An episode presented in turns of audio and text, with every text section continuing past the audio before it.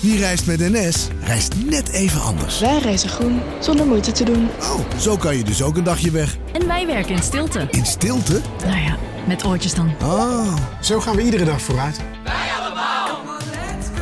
Stap je ook in? Nieuw Aquarius Red Peach Zero Sugar. Met zijn heerlijke frisse persiksmaak zonder suiker draagt Aquarius bij tot jouw dagelijkse hydratatie en helpt zo mee om je vochtbalans op peil te houden tijdens alledaagse actieve momenten. Thuis, op het werk of onderweg. Ook verkrijgbaar in smaken lemon en orange. Probeer hem nu. Vanaf de redactie van NRC het verhaal van vandaag. Mijn naam is Gabriella Ader.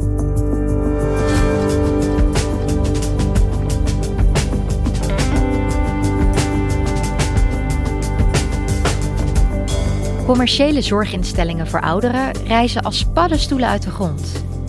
Ze springen in een gat van de traditionele verpleeghuizen, waar enorme wachtlijsten zijn. Redacteur Jeroen Wester onderzocht deze nieuwe zorginstellingen en vraagt zich af of winst het lijkt te winnen van goede zorg.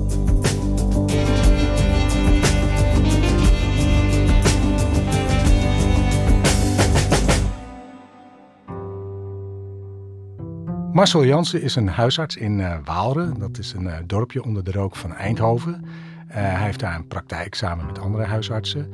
En op een dag werd daar vlak naast hem een commerciële zorginstelling geopend. Ik denk dat het een jaar of vier geleden is dat we dat hoorden. het was voor ons een nieuw fenomeen in het dorp.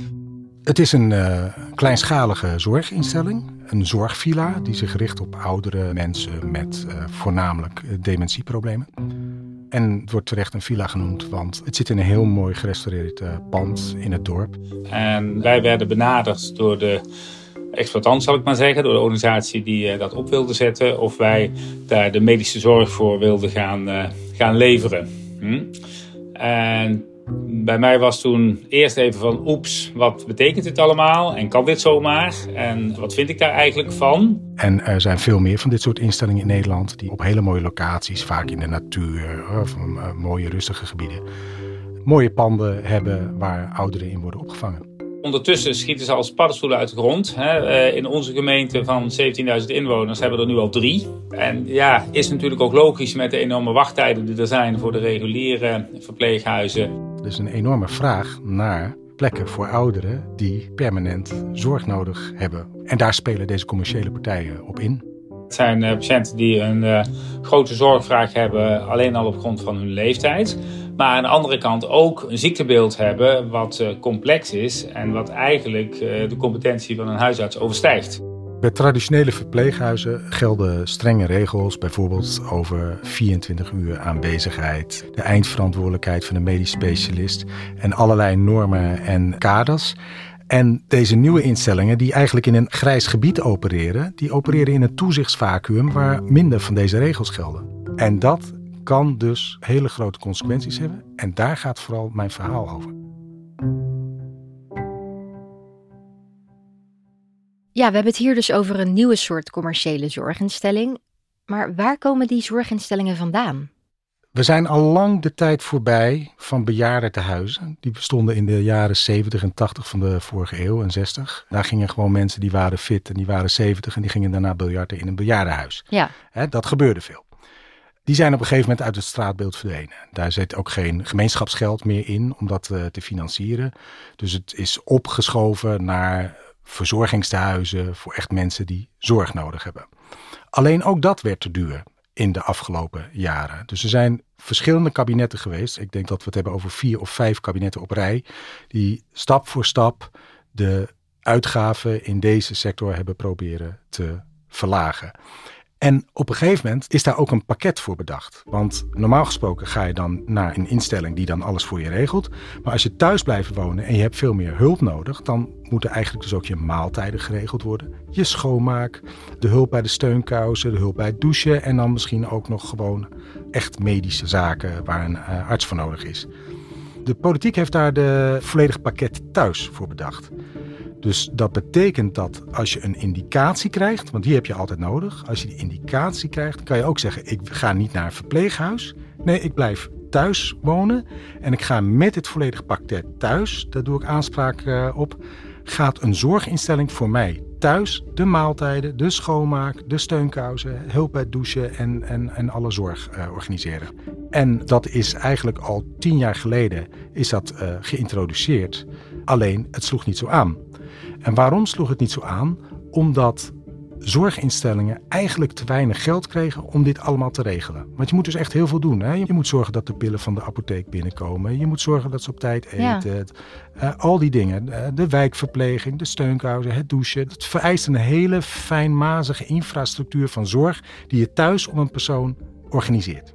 En nu komt eigenlijk het grootste gat in de markt. Op een gegeven moment heeft een ondernemer gedacht, maar wacht nou eens even. Als wij die mensen nu eens bij elkaar gaan zetten en hen allemaal een volledig pakket thuis geven, dan hoeven die thuiszorgmedewerkers niet van het ene huis naar het andere huis te rijden. De schoonmaker hoeft niet twintig huizen af te hebben. Nee, we zetten die twintig mensen in één huis en we financieren dat allemaal met dat volledige pakket thuis. En wat voor bedrijven zijn dit dan? Wat, wie zit daarachter? Er zijn in uh, Nederland nu twee Franse concerns behoorlijk actief. De ene heeft 120 instellingen en de andere 50 instellingen onder zijn hoede. En de grootste, dat is ook de grootste van Europa, dat concern heet uh, Orpea. En het andere concern heet Corian. Alleen ze opereren niet onder die naam, want dit zijn uh, de beursgenoteerde namen. Maar ze presenteren zich als ketens zoals Het Goede Leven.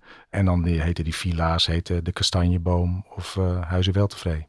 En op zich is het een heel slimme gedachte van ondernemers. Want je woont thuis en je woont niet thuis. Maar juridisch en financieel kan het gevolgen hebben. En dat is eigenlijk een heel grijs gebied waar je dan terecht komt. Ja, hoe ziet dat grijze gebied er dan vervolgens uit? Nou, misschien is wel een aardig voorbeeld om dat te illustreren de gemeente Den Bosch. Daar was een meneer die wilde een tillift. En die vroeg dat bij de gemeente aan. Want als je, normaal gesproken woon je uh, thuis en je hebt uh, hulp nodig. En dat kan je dan nog bij de gemeente aanvragen. Mm -hmm. Maar de gemeente die zei, nee, u woont in een instelling, dus wij gaan u niet een tillift betalen. Toen is die meneer naar de rechter gestapt en die zegt, ja maar hallo, ik woon helemaal niet in een instelling, ik woon thuis. Dus daar werd het juridische onderscheid van woon je nou thuis of woon je nou niet thuis voor de rechter uitgevochten. En wat zei de rechter vervolgens? In dit geval kwam de rechter tot de conclusie dat hij feitelijk niet thuis woonde. Hij kwam tot de slotsom van als ik zie wat voor rechten en verplichtingen hier allemaal zijn, concludeer ik dat u de facto niet thuis woont. En dat is niet het enige, want het thuis of niet thuis wonen, het opereren in dit uh, grijze gebied, heeft ook gevolgen over de vormen van zorg die mensen in deze instellingen kunnen krijgen. En misschien is wel het beste voorbeeld wat een mantelzorger meemaakte waarmee ik contact had, wat uh, Hetty Termeer meemaakte met haar moeder. Ik ben Hetty Termeer en ik ben mantelzorger van mijn hoogbejaarde moeder. Zij wordt volgende maand 94 jaar en is behoorlijk zorgafhankelijk. Dus haar moeder zit in een uh, woonzorgcentrum nadat Hetty jarenlang haar moeder behoorlijk intensief thuis had uh, verzorgd. Dus ze was erg blij dat haar moeder nu in zo'n woonzorginstelling zat. Het eerste jaar was ik eigenlijk ook wel tevreden over het woonzorgcentrum, dat complex. Ik dacht, ja, ik zie mijn moeder hier genieten. Ze kan zelf met haar rollator naar het restaurant. Het moment ja, kwam toch dat mijn moeder verder achteruit ging na een behoorlijk groot herseninfarct. Zij werd nog meer uh, zorgafhankelijk. Geestelijk is zij heel erg achteruit gegaan. En toen liep Hetty er eigenlijk tegenaan dat ze ja, in precies dezelfde situatie eigenlijk terecht kwam als toen ze mantelzorger was. Namelijk dat ze er zelf achteraan moest gaan voor een psycholoog. Of zelf achteraan voor een medisch specialist. Want dat gebeurde niet in de zorgvilla. Dat gebeurde niet in, de, in dit uh, centrum waar haar moeder zat. Het zorgplan is daar ook wel op aangepast. Maar in de praktijk komt er toch heel vaak niets van terecht. Dan wordt mijn moeder niet verschoond omdat zij zelf niet op de personenalarmering drukt. En dan blijft mijn moeder met een vieze broek lopen. En dan krijgt mijn moeder soms geen koffie of geen thee. Dus ik telde haar boterhammen. Ik zag dat ze niet gegeten had. Ik zag dat het beleg in de koelkast bleef liggen. Als ik er niet ben, dan wordt het ook niet gegeven. Altijd. Hoe kan zoiets dan gebeuren eigenlijk? Nou, kijk, wat een verschil is, is dat het personeel bij deze centra over het algemeen lager gekwalificeerd is dan in traditionele verpleeghuizen. Dus Hetty maakte ook mee dat het personeel minder goed om kon gaan met haar opstandigheid en haar afwijkende gedrag. En zij merkte ook van dat ze dat, dat personeel ook niet kan verwijten. Hè? Omdat, ja, zo is het nu eenmaal. En wie is er in dit soort zorgcentra verantwoordelijk? Eindverantwoordelijk op medisch gebied? De huisarts is medisch eindverantwoordelijk voor de zorg in die villa. En dat verschilt natuurlijk met een traditioneel verpleeghuis, waar een specialist ouderengeneeskunde de eindverantwoordelijkheid heeft. En die huisartsen, ja, die zijn dus ook overbelast. Begin dit jaar is er nog landelijk gestaakt. Overal in het land hoor je de huisartsen klagen over hun overbelasting. Dus die hebben er echt problemen mee als zij uh, dit ook nog in hun praktijk uh, bij uh, krijgen. En daar zit ook heel veel onvrede over deze ontwikkeling. En dat hoor je ook van Marcel. We hebben nu drie instellingen met allemaal zo'n kleine twintig bewoners in ons dorp. Die hebben we wel dan onder verschillende huisartsen verdeeld. Maar ja, het komt er wel bovenop. En ons bordje ligt al aardig vol.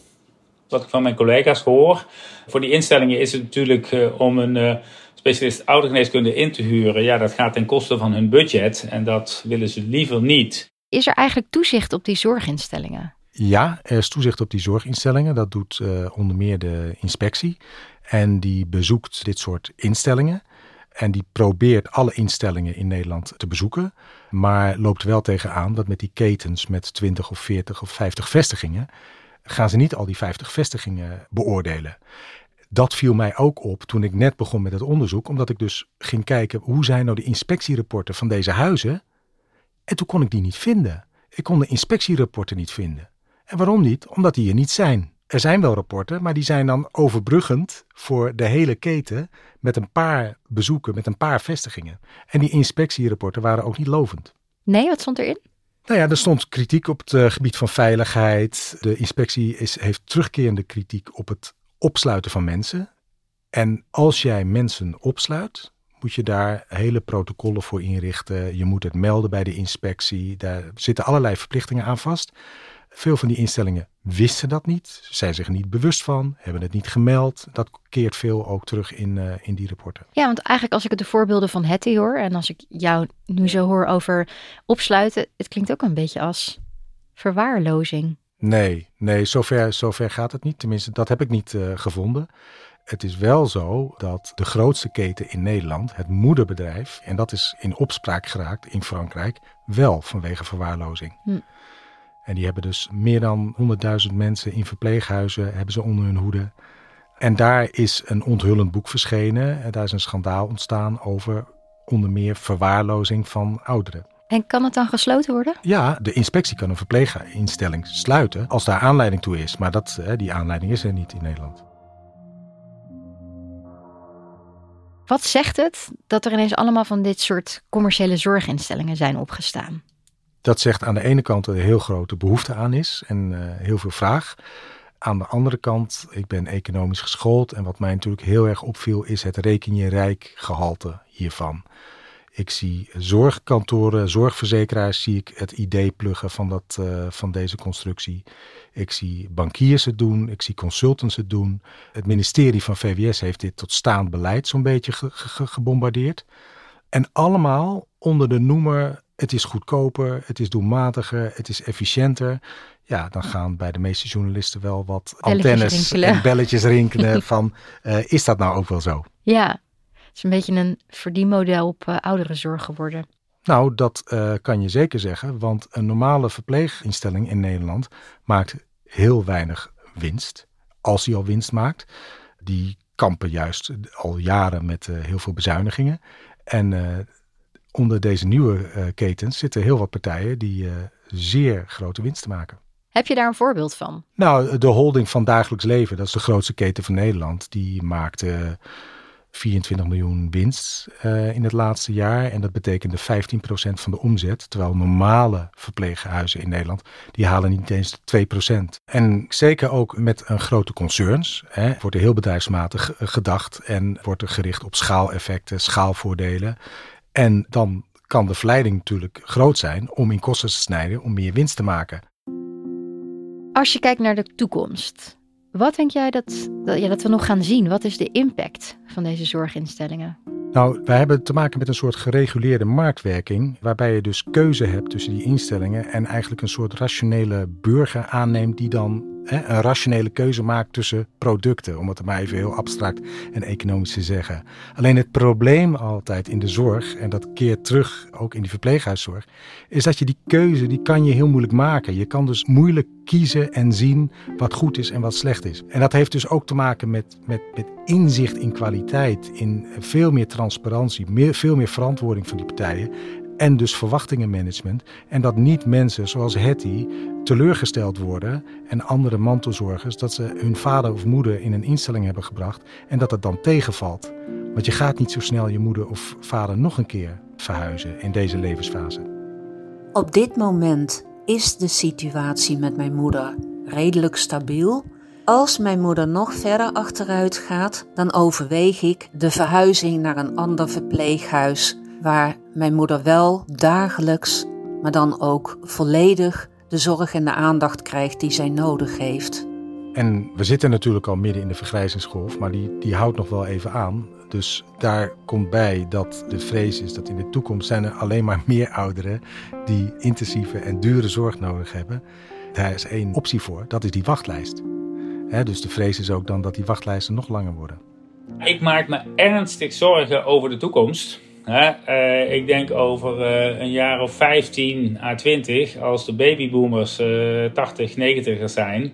Op demografisch gebied kun je het gewoon voorspellen hoe het fout gaat lopen.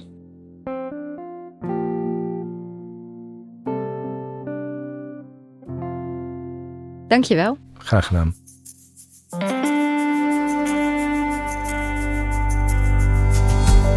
Je luisterde naar vandaag, een podcast van NRC. Eén verhaal, elke dag. Deze aflevering werd gemaakt door Nina van Hattem, Mila Marie Bleeksma en Marco Raaphorst. Dit was vandaag, maandag weer.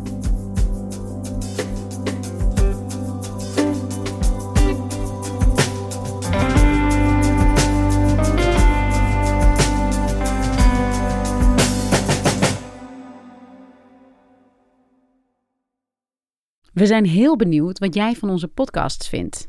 Je helpt ons enorm door een korte vragenlijst in te vullen op nrc.nl/slash podcastonderzoek. Dankjewel.